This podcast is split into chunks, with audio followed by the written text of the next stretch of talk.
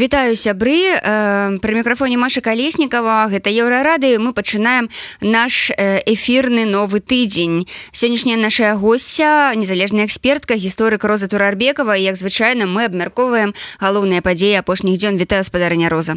День добрый думала з чаго пачынаць. І першае пытанне ад нашага слухача у прынцыпе вырашыла гэтую дылему. Восьось учорашняя сітуацыя ў махачкале калі дзясяткі сотні мужчын прыйшлі ў аэрапорт дзе куды нібыта прыляцелі бежанцы з тэлявіву ну і зладзілі там пагромы.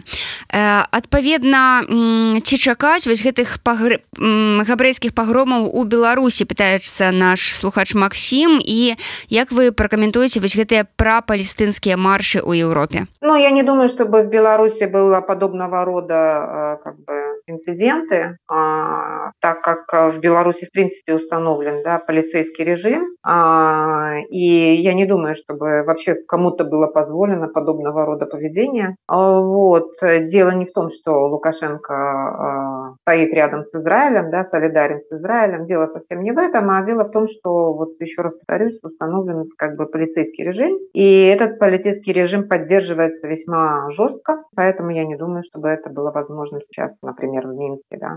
Вот. Что касается Махачкалы, ничего удивительного нет, как бы э, ситуация развивается по тому сценарию, о котором я говорила, провокация удалась, а, вот, все забыли про Украину, сейчас все обсуждают Ближний Восток. А, и Путин в этом отношении сделал все возможное для того, чтобы переключить внимание с объекта номер один, коим, кое является Украина, война в Украине, на другой объект, не настолько, а, я бы сказала, важным, он, он важен в мировой политике, но даже с точки зрения, я не знаю, там, количества погибших, там, суд, судьбы, как говорится, мира, судьбы Европы, а, это, это, это важно, но э, это степень важности, я бы сказала, на втором месте. После Украины, после э, того, что там ведется широкомасштабная война. Это не военная операция, сухопутная операция, даже государство, но против все-таки террористической организации, понимаете, с точки зрения и статуса, и масштабов, да, это совсем другое событие, нежели чем масштабная война в Украине а, одного государства с другим государством, целью которого является фактическое уничтожение государства. Поэтому а, в данном случае то, что произошло в Махачкале, это просто напрямую как бы реализовывает план Путина относительно того, чтобы все говорили о чем угодно, только не об Украине, даже пусть это будет Махачкала. Но это же произошло не в Москве, это произошло в Махачкале, да? То есть, в общем и целом, можно это все списать на, там, я не знаю, на то, что спились там с гор, да, не очень просвещенные люди, и как бы э, параллельно дискредитируется мусульманское э, как бы, население, мусульманское меньшинство в России. А, в общем и целом, э, я думаю, что такая цель была, она реализовывается сейчас. Я, с сожалением, отмечаю, что ты сейчас идет к этому, к сожалению, идти. Что касается непосредственно данного события, я имею в виду э, нападение, да, попыт, попытка э, нападения на самолет э, с беженцами из Израиля, это, конечно, очень э, плохой симптом, потому что э, все, естественно, так или иначе будут задаваться вопросом, возможно ли повторение и возможно ли подобного рода инциденты в других странах. Э, я, к сожалению, могу сказать, что скорее да, чем нет, потому что накал страстей сейчас э, таков, что, к сожалению, э, ничего исключать. И то, о чем мы с вами говорим сейчас, вот масштабные э, демонстрации да, на стороне Палестины, которые сейчас проходят в европейских странах, например, тому подтверждение. И мы с вами в общем и целом раскрывали этот тезис. Я не знаю, стоит ли мне повторяться, просто я уже устала, уже, наверное, четвертое интервью, которое, в котором я проговариваю все эти вещи. Ну хорошо, я проговорю это еще раз.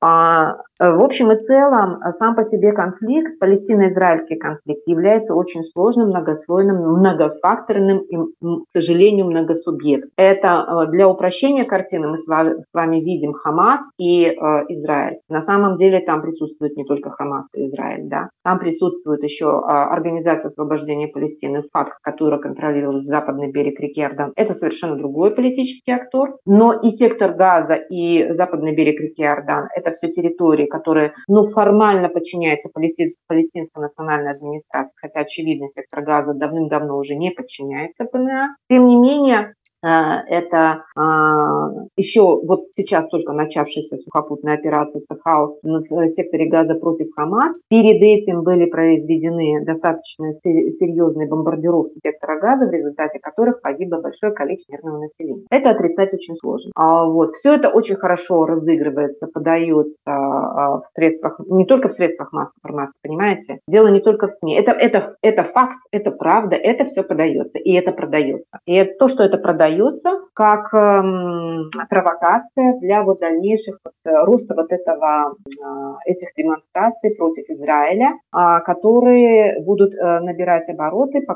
по причине, о которых я говорила ранее. Э, вы должны знать, что мусульманская э, община в Европе, она разношерстная, разнообразная, но тем не менее она очень многочисленная. Мы с вами говорили, 5 миллионов арабов в одной только Франции, 4 миллиона а, в основном турки, да, а, в Германии, плюс еще там сверху тоже арабы, которые в свое время бежали, это был, э, вы помните, миграционный кризис 2015 года. Я вообще еще не считала даже Италию, надо посмотреть, какие цифры в Италии и в Испании. А, мы можем с вами говорить о том, что, например, а, далее творится в других странах, я имею в виду Бельгия, например, а, Великобритания, там очень много там, где большие, достаточно формировавшиеся уже большие общины мусульманские, они многочисленны. Вы их не выдворите из Европы. Все эти сотрясания воздуха, там, которые я слышу, например, из уст немецких политиков, к сожалению, они неэффективны а по той простой причине, что большая часть этих э, людей, которые выходят на улицы, это не иммигранты, это уже граждане. Вот и все. На этом разговор заканчивается. Вы не можете как бы их э, э, экстрадировать, если они являются уже гражданами. Это, это первое. Во-вторых, во-вторых, у вас не будет такого количества ресурсов экстрадировать такое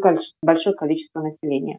Второй момент. Третий момент. Вы не можете отказаться от принципов демократии, то есть имеется в виду запретить свободу митингов и свободу выражения слова. Вы можете, я не знаю, ввести какие-то новые ограничения относительно там вот этого языка вражды, да, и ненависти, вот и с помощью него, как бы там, я не знаю, задерживать и штрафовать, это максимально, что вы можете. Остановить такими инструментами это нельзя. А вопрос заключается в следующем. Что необходимо сделать для того, чтобы это... Вот это, это, наверное, самый важный вопрос. Мне кажется, прежде чем а, выступать с какими-то там заявлениями, которые нужны и важны сейчас, но они скорее не помогают, а, по-моему, еще больше подстегивают ситуацию. Но мне кажется, надо, может быть, взять паузу и посмотреть вообще, что происходит, реально посчитать, что происходит на самом деле. Мне кажется, что на самом деле сейчас разыгрывается самая главная карта, и эта карта разыгрывается в первую очередь, я думаю, а, так называемая война цивилизации, столкновение цивилизации. Любимая как бы сказка для всяких около политологических, около научных так скажем, деятелей, которые любят на эту тему поговорить. Так вот, э, он разыгрывает это целью, чтобы э, вот этот вот определенный э, консенсус, который существует внутри каждого даже западноевропейского, чтобы этот консенсус был подорван. Внести раскол. Для него самое важное – это внести раскол. Неважно как, какими средствами, какими частями, неважно как, внести раскол, чтобы на первое место выдвинулась вот эта внутренняя повестка, с помощью которой бы пришли бы к власти правые, типа АФД в Германии, например, да, которые параллельно в свое время когда-то получали средства от Путина и которые будут ставить вопрос о сокращении поддержки, догадайтесь, кому? Конечно, Украине. То есть это такая комбинация не хитрая, надо сказать, но, к сожалению, люди, увлекающиеся сейчас вот этим вот э, анализом э, э, ближневосточного конфликта, палестино-израильского конфликта, за всем за этим, за всеми этими страстями забывают о самом главном, что это срежиссировано, причем срежиссировано весьма недурно. И, к сожалению, вот я хочу сейчас сказать, да, а, к сожалению, на мой взгляд, вот эта провокация, она получила, она удалась. И чем больше я вижу таких инцидентов, не только в Махачкале, но и э, в других странах, и э, это связано не только с э, демонстрациями на стороне палестинцев, да, а вот, но это связано и с обратной реакцией, с ростом ненависти друг к другу, с ростом вот этого недоверия друг к другу, а, и не очень, а, как это сказать, неуклюже уже достаточно, к сожалению, на сегодня день пока а, заявления, а, которые... И вот эта неспособность сформулировать эту проблему, где самым главным, а, самой главной жертвой и самым под ударом, кто в первую очередь сейчас, это демократия и Украина. И вот за всем за этим я вижу как раз э, все вдарились в обсуждение, что такое палестино-израильский конфликт. Я вижу ну, абсолютно невежественные публикации в Фейсбуке со стороны людей, к которым я отношусь с достаточным уважением, которые все вдруг сделались большими специалистами в сфере создания государства Израиль, в том, что, оказывается, палестинцы – это не, не, не государство и не народ, что они туда пришли неизвестно откуда, и вообще они не имеют права никакое на, на свое существование, на свое самоопределение. А все это, а, уважаемые, вы э, как бы играете в игру путь, чем я вас всех поздравляю. Поэтому вот моя как бы реакция. А что касается Махачкалы, ну, это было несложно организовать, если честно. Особенно учитывая, например, позицию Кадырова, в принципе, особенно учитывая настроение в мусульманской общине. И, в общем и целом, было несложно как бы поднять этих людей, они и так достаточно легки на подъем, им надо бы лишь бы указать определенную как бы, да, жертву. В данном случае жертвой явились эти несчастные, да, беженцы из Израиля, а раз, раздуть вот этот вот, э, как бы, это даже не антисемитизм, это что-то э, даже посерьезнее будет, да, это как бы ненависть э, на конфессиональной почве. А вот, и все, вуаля, мы с вами сидим сегодня. И первый вопрос, который мы с вами обсуждаем, к сожалению, это не ситуация в Украине, не то, что происходит сейчас там вокруг Авдеевки, например, не тот вопрос, почему сейчас на сегодняшний день все больше и больше заявлений о сокращении помощи Украине или ставят под вопрос, да, о помощи в Украине, а мы с вами сейчас обсуждаем погромы в спадарня роз тут яшчэ ў дагонку пытання ці, ці будуць краіны Еўропы пераглядаць міграцыйную палітыку вось у сувязі з тым што зараз адбываецца Э, во-первых, э, страны Европы уже давно пересматривают миграционную политику, и это произошло не под воздействием вот этих вот демонстраций, это произошло в первую очередь под воздействием того кризиса, который был в 2015 году. Было ужесточение миграционного законодательства. Конечно, ужесточать можно бесконечно, можно вообще в принципе обнести себя стеной, да, а, и колючей проволокой, и пустить ток, да, и стрелять во всех тех, кто пытается пересечь границу. Ужесточению предела нет, как известно. Но да, а, такое возможно, во-первых. Во-вторых, вы должны понимать, что когда мы с вами говорим об ужесточении миграционного законодательства, речь не идет о мигрантах с Ближнего Востока. Речь идет обо всех мигрантах, включая белорусов и украинцев. Поэтому не надо нам с вами желать такого. В принципе, для миграционных служб Германии, Франции и прочих стран, кроме Польши и э, Литвы и Латвии, все мигранты едины, равны, на одно лицо. Мы все для них одинаковы. Даже в большей степени, может быть, им ближе мигранты из э, французской Африки, нежели чем белорусы, я имею в виду французские миграционные службы, по одной простой причине. Потому что эти мигранты знают французский язык. Вот э, я хотела бы предупредить э, всех наших уважаемых слушателей, что когда вы ратуете за то, чтобы Европа ужесточила миграционное законодательство, вы должны иметь в виду, что под него подпадут не только выходцы из Африки и Ближнего Востока, но в первую очередь белорусы и Украины не будут там отделять по расовому признаку, понимаете? Юрисдикция распространяется на всех. То есть как бы право, оно для всех, правила, они для всех. Вот в чем дело. Поэтому, мне кажется, нам не,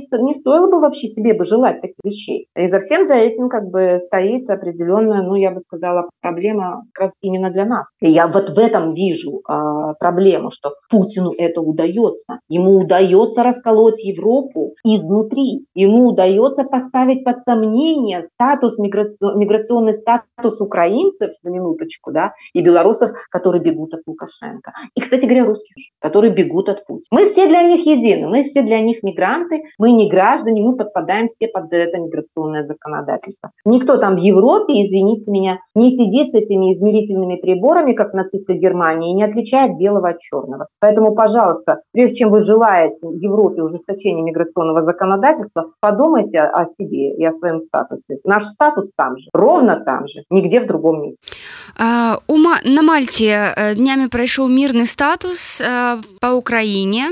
А, на ім Кіев прадставіў новую э, свою формулу мира так и что цікава у параўнанні вось с папярэднім гэтым самітам які быў у саудаўскай аравіі так? Ужо больш краін узялі ў ім удзел. Гэта 70 здаецца краін але не было Китая вось чаму так здарылася? Кітай ўсё ж так дэкларуе хаця б нейкі нейтралітэт альбо нават выказвае падтрымку часам у краіне нейтралитет китайский. А, ну, вот знаете, очень, очень такой интересный китайский нейтралитет. Очень такая большая китайская хитрость называется. Конечно, Китай не воюет э, ни на чьей стороне. Китай подозревают в предоставлении России а, технологий двойного назначения, а то и вообще в целом, да, в прямых поставках, а, если не, не, не летального оружия, то а, как бы определенных, да, видов вооружений. Вот. Доказать это наверное, есть такие э, факты, но впрямую, к сожалению, доказательств, видимо, еще нет. Там говорили о китайских лотниках, например, да. Ну, вот такой нейтралитет, да, своеобразный нейтралитет. Это первое. Второе, а, китайцам было важно со своей китайской мирной инициативой каким-то образом скачить в этот поезд, да, уходящий, а, вот, по миротворчеству. Но ничего не вышло, потому что китайская мирная инициатива не была оценена а, по достоинству. Вернее, она была оценена именно по достоинству, потому что из всех там, эти, не помню, скольких там, 11, 14, 17 там пунктов, которые я вот просто читала уже сейчас подзабыла, там самое главное в конце. То, что интересовало Китай, это снятие вот, вот, что их, вот что значит китайский мирный план. Так как не получилось по разным причинам, в том числе и по вине России, тогда, когда Россия объявила о размещении тактического ядерного оружия на территории Республики Беларусь, в этот момент можно было поставить крест на китайском мирном плане, конечно. Китайцы были не очень довольны этой ситуацией, но в общем и целом с этого момента, конечно, у Китая пропала такая, я так понимаю, такое желание выступать в качестве такого инициатора. Почему он сейчас не присутствует, здесь можно много разных э, причин выдвигать, но я так понимаю, что сейчас все больше и больше такое формируется антикитайский, я бы сказала, фронт. Вот, это такой не только антикитайский, он такой антиавторитарный, антидиктаторский фронт. Он имеет разные там конфигурации, есть разные региональные инициативы по этому поводу, но очевидно, что он формируется именно в ответ на поддержку Китая, я имею в виду России, там в разного рода планах, в том числе, кстати говоря, с точки зрения обхода санкций, очевидно, что Китай все больше и больше принимает участие в поставках на российский рынок недостающих да, товаров. Вот, поэтому я думаю, что мы с вами действительно наблюдаем такой первый подготовительный этап к холодной войне. Два. То есть мы все ждали с вами что-то там Третью мировую, да, мы с вами в прошлый раз обсуждали. Вот, но, но мало кто обсуждал, но я надеюсь сейчас да, да, вот эту вот возможную холодной войны 2.0. А, к сожалению, я думаю, что вот как раз мы сейчас туда движемся, об этом свидетельствует и голосование в Совете Безопасности ООН, да, взаимная блокировка резолюций по Ближнему Востоку. И вот то, что сейчас Китай не прибыл, к сожалению, на эту конференцию в, на Мальту, да, и то, что на пояс и путь, э, встреча, да, пояс и путь в Китае, а туда не приехали там ведущие страны, да, Европейского Союза, там, Северной Америки, они не разделяли эту инициативу, они не вступали, они в общем и целом понимают, э, на что была нацелена эта инициатива. В общем и целом, я думаю, что это результат именно вот такой вот ухудшающийся в целом климата, атмосферы и контекста международного, где Китай все больше находится по ту сторону. А, давайте еще про одних миротворцев поговорим. Я маю на увазе Беларусь, так? Виктор Хренин аккурат теперь э, удзельнічае у сяншанскім форуме по бяспецы ў Китаі. Ну ён э, выступаў і э, заявіў, што Рэжым Александра Лукашэнкі па-ранейшаму хоча стаць міратворцам і цытата такая скажу толькі што пазіцыя беларусі нязменная мы па-ранейшаму гатовы ўсяляк садзейнічаць яго мірнаму урэгуляванні гэта Украіна маецца на увазе так? І выступаць перагаворнай пляцоўкай Няўжо яны сапраўды думаюць што нехта на гэта пойдзе А, ну, это, конечно, замечательная инициатива, особенно учитывая роль Беларуси, да, я имею в виду белорусского режима на первоначальном этапе войны, да, А что я могу сказать? Знаете, в свое время, когда я читала курс по конфликтологии, курс конфликтологии на факультете международных отношений Белорусского государственного университета, я надеюсь, что все это еще читается, и именно то, что читала я. А, вот. Я, например, разбирала на первой лекции, а, в чем заключается специфика советского и постсоветского да, вот этого мышления, а, исходя из того образования, которое люди получали в советские годы. Там, была замечательный, там был замечательный предмет под названием научный коммунизм. Вот. Научный коммунизм – это был, была такая вершина как бы вот этого социально-гуманитарного так называемого знания, ну, на самом деле, идеологической да, подготовки. Вот. И это у нас называлось там противоестественным предметом. Так вот, в научном коммунизме был такой словарь по научному коммунизму 1984 по-моему, года издания, где раскрывалось понятие, концепция мирного э, сосуществования э, систем, разных систем, капиталистических, социалистических. И формули... формулировка там этого мирного сосуществования была, ну, понимаете, включая все, почти что войну, понимаете, но все это называлось мирное сосуществование. И вот Советский Союз в лице его лидеров на каждой там, я не знаю, встрече, там, Совете Безопасности, ООН, Генассамблеи, ЮНЕСКО вставали и говорили о мирном характере внешней политики Советского Союза. Это происходило параллельно с историей с Афганистаном да, в 1979 году, параллельно с поставками вооружений во все точки мира, параллельно с участием, прямым и непрямым участием советских военных советников по всему миру. Да. В общем и целом, это все из той оперы. А я имею в виду речь Фреймана. Она из этой советской практики. То есть, в общем и целом, прямых доказательств, что Республика Беларусь сейчас воюет, нет, и им кажется, что это и есть мир и мирная инициатива. Вернее, скажем, а, как это сказать, что это позволяет выдвигать мирные инициативы. При этом делается вид, что все, что было до этого, этого то ли не было, то ли не существует, то ли э, в общем и целом достаточно извращенно интерпретируется, и в общем и целом как бы вспоминаются какие-то странные до сих пор достижения, там это договоренности на Минской площадке, в частности по Донбассу, да, которые уже давным-давно перечеркнуты этой войной. Э, вот. Но что я могу сказать? Старые советские традиции, вот этот вот нарратив и дискурс, это сейчас как бы, они же учились где? Вот этот господин Хренин, он где учился? Он в советское время учился. В советском там не самом высоком, я так понимаю, а, войсковом училище, по-моему, ну, не, сейчас не помню, вообще войсковой или нет. Закончил бы летное, навряд ли бы он бы сейчас стоял бы такие, такую ерунду нес. А это как бы к вопросу еще там в военной среде есть свои как бы аристократы, а есть не аристократы, я имею в виду с точки зрения образования. Так вот, что касается как бы Хренина, он воспроизводит то, что в свое время когда-то ему читали на лекциях. Надеюсь, что мои ученики и выпускники а, помнят о том, что я читала, и помнят о том, откуда берется вот эта откровенная ложь. Это все советская практика, идеологическая практика. А, я нагадаю сябры, историк, незалежная экспертка Роза Турарбекова. Сегодня наши гости. Задавайте пытанні. Спадарыня Роза, на мінулым тыдні у Мінску прайшла канферэнцыя Еўразі еўразійская бяспека рэальнасць і перспектывы ў свеце які трансфармуецца так? І туды завітаў э, міністр замежных спраў венгрыі вось Петр сіятра і э, вось э, адразу пачаліся э, такія думкі у экспертаў што ўсё ж Беларусь крыху змяняе курс на захад э, і што Мачыма нават Путін гэта дазволіў лукашэнку. Вось на ваш погляд што гэта ўсё азначае? Што азначаюць гэтыя словы сіярты што лукашенко з'яўляецца самым зацятым прыхільнікам захавання еўрапейскага саюзу Вось распавядзіце ваше меркаванне.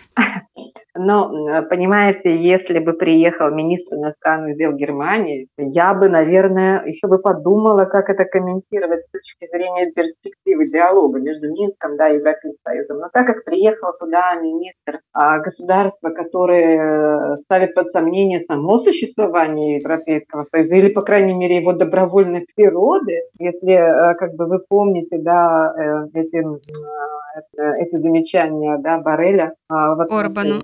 Да, в, в отношении Орбана, да. То я даже не знаю, как это комментировать, как то, что в общем и целом, когда приезжает не то чтобы изгой, но почти что, и выступает с подобного рода заявлениями, при этом это государство, которое не обладает должным авторитетом да, для того, чтобы продвигать какую-то повестку внутри Европейского Союза, то я бы не считала это признаком начала диалога с Европейским Союзом. Тут бы Венгрии сохранить свое место в Европейском Союзе. Ну, Европейский Союз все-таки респектабельная организация, там за шею не выталкивают, да, там, я не знаю, сзади пистолет не представляют и говорят, пошел вон отсюда, да. А вот. Но в целом, как бы, э, ситуация у Венгрии такая, что ее голос не имеет значения Европейском Союзе. Они способны вставлять палки в колеса, используя право вето определенное, да, но не более того. Они не способны предложить э, себя в качестве посредников. Попытки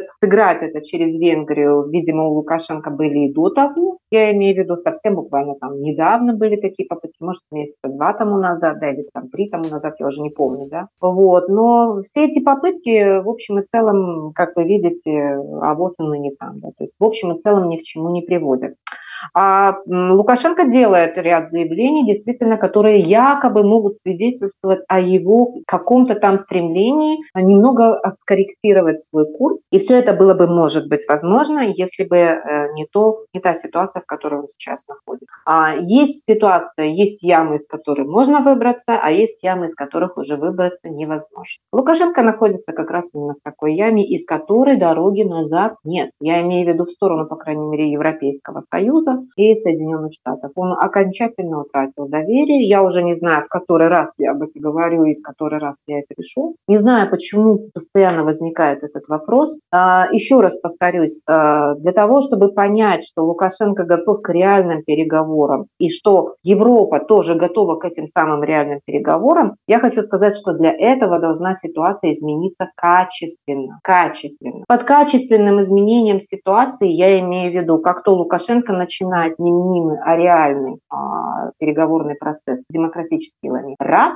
А параллельно он выпускает всех политзаключенных. Два. И третье, он ликвидирует все российские военные де-факто, не де-юра, они там учебные центры называются, да, де-факто а, российские военные базы на территории Беларуси три. Вот три важнейших условия, при которых возможно действительно а, начало диалога. Я думаю, что Европа на меньшее Вот это гэты саміт так гэтая канферэнцыя. Навошта яна была патрэбна лукашэнку? Гэта просто спроба падвысіць нейкі міжнародны ўзровень міжнародную ролю беларусі Да, потому что все время возникает вопрос, внешняя политика у Республики Беларусь еще есть или нет. А недостаточно вот эти вот географии визитов, не, недостаточно там вступления куда там, ШОС, в БРИКС, БРИКС еще и не возьмут, кстати говоря. ШОС только начался процесс вступления, потому что он далеко, там, далек от завершения даже. Вот этого недостаточно. Плюс ко всему Лукашенко, как вы знаете, э, не приехал на э, э, эту самую Генеральную Ассамблею Организации Объединенных Наций. Вот реальная там как бы статусная площадка. Попытка э, изобразить э, что-то вроде международной внешней политики, вот чем я как бы могу объяснить э, вот эту конференцию и одновременно противопоставить эту конференцию Мюнхенской конференции по безопасности. А вот. Ну, это, конечно, достаточно такие анекдотичные, смешные попытки, но тем не менее, вот он такие попытки предпринимает. Но на самом деле ситуация, как вы,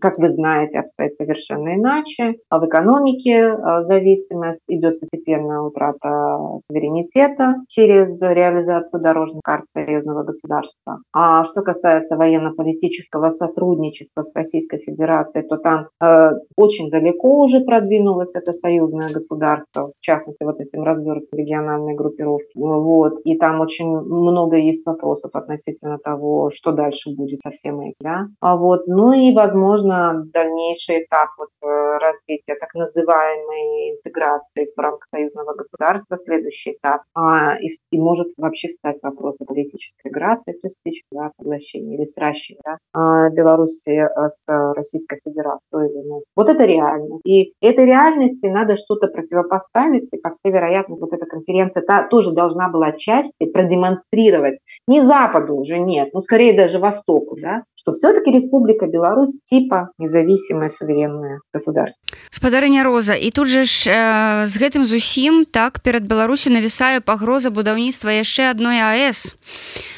Вось сёння напрыклад міністр эканомікі чарвякоў заявіў што гэта ўжо прям стратэгічны праект нумар адзін для беларусі Вось як вы лічыце ці сапраўды рэжым пойдзе на гэта так? І калі пойдзе чаму? Альбо гэта просто ўжо няма пра што размаўляць ужо няма просто тэмаў таму яны вырашылі паговорым пра другую АС Ну, я знаю, что в Академии наук уже готовилось это обоснование э, строительства второй атомной электростанции. Причем это обоснование, которое, по моим э, данным, э, которые я не буду говорить откуда, да, а вот, является политически мотивированным. То есть это что означает? Что ученые, которые писали это обоснование, они выполняли свою работу недобросовестно. А, и это не научно обоснованная вещь, а политически мотивированная вещь, что э, с моей точки зрения прискорбно, а, потому что когда наука стоит на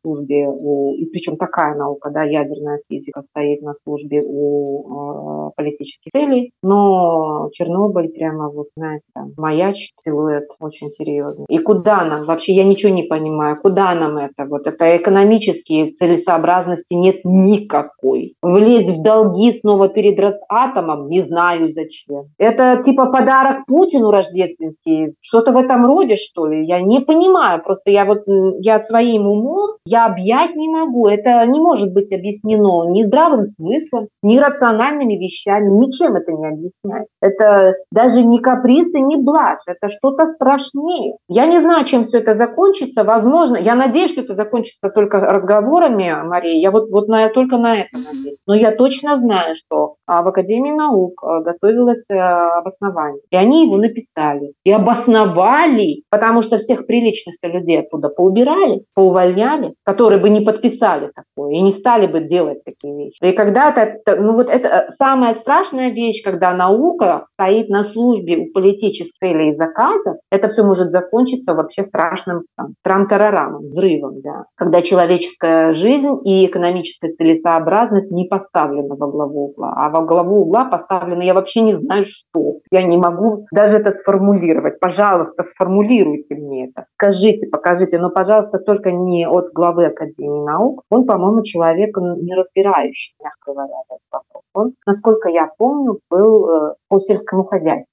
Его устами как бы я, я не буду вдаваться. Меня интересует это обоснование из уст э, физиков-ядерщиков. И с точки зрения, пожалуйста, экономической целесообразности для Республики Беларусь. Пожалуйста, объясните на пальце, чем это нам хорошо. Вот чем плохо, мы уже знаем. Да? А вот чем это хорошо? Электроэнергию продавать некуда. А украинский рынок от нас отделился. Разъем произошел. Все. Они для нас потеряны навсегда. Э, Балтийский рынок тоже для нас э, утрачивается. Ведь э, страны Балтии, в частности Литва, собираются тоже э, раз, э, произвести вот этот разъем э, энергии. Куда? Нам столько. Мы вот у нас тут как бы с первой атомной электростанцией сплошное непонимание, а со второй да, атомной электростанцией вообще не знаю.